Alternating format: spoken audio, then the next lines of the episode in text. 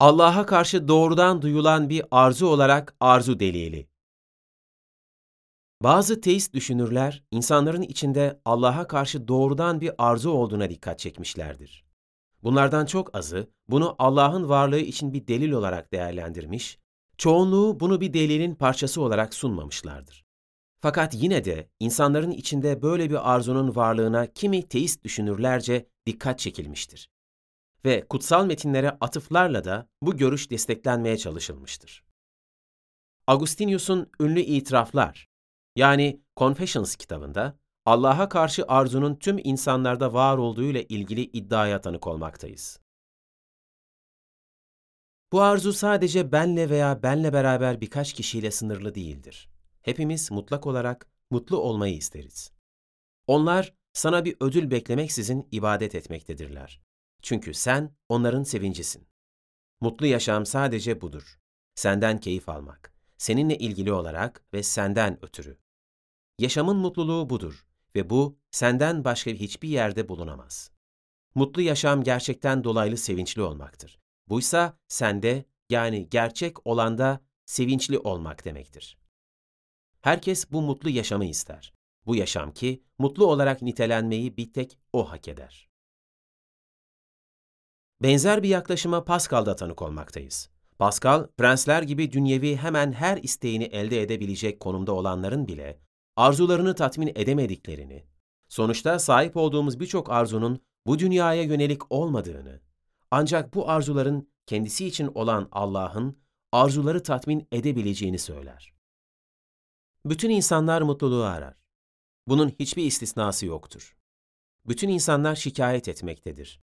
Prensler, hizmetçiler, asiller, halk, yaşlı, genç, güçlü, zayıf, eğitimli, cahil, sağlıklı, hasta her ülkede, her zamanda, her dönemde, her şartta. Boş yeri etrafındaki her şeyle boşluğu kapamaya çalışır. O şeylerden hiçbiri ona yardımcı olamaz. Çünkü bu sonsuz boşluk ancak sonsuz ve değişmez bir objeyle yani Allah'la kapatılabilir.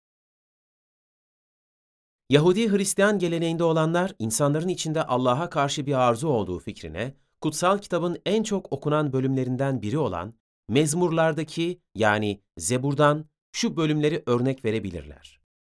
1. Geyik akarsuları özlediği gibi canım da seni öyle özler ey Allah. 2. Canım Allah'a, hay Allah'a susamıştır. Ne vakit geleceğim ve hay Allah'ın önünde görüneceğim.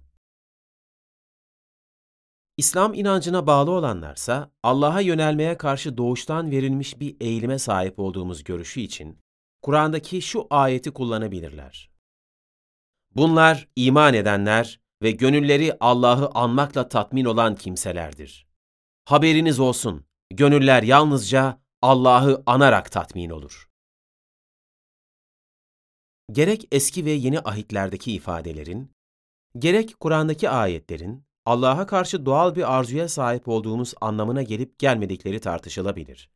Fakat şurası açıktır ki, insanların doğuştan böyle bir arzusu varsa bile, Allah'a yönelen inançlılar, Allah'a yöneldim. İçimdeki arzular tatmin oldu. Meğer içimdeki tatmin olmayan arzuların objesi Allah'mış diyebilirler. Fakat inananların bu şahsi tecrübelerini inançsızlara karşı sunulacak objektif bir argümana dönüştürmek mümkün gözükmemektedir.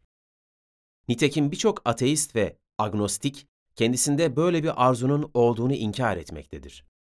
Örneğin John Beavers Lewis'de bahsedilen yaklaşımı eleştirirken, böylesi bir arzunun var olduğunun iddia edilemeyeceğini ifade etmiştir.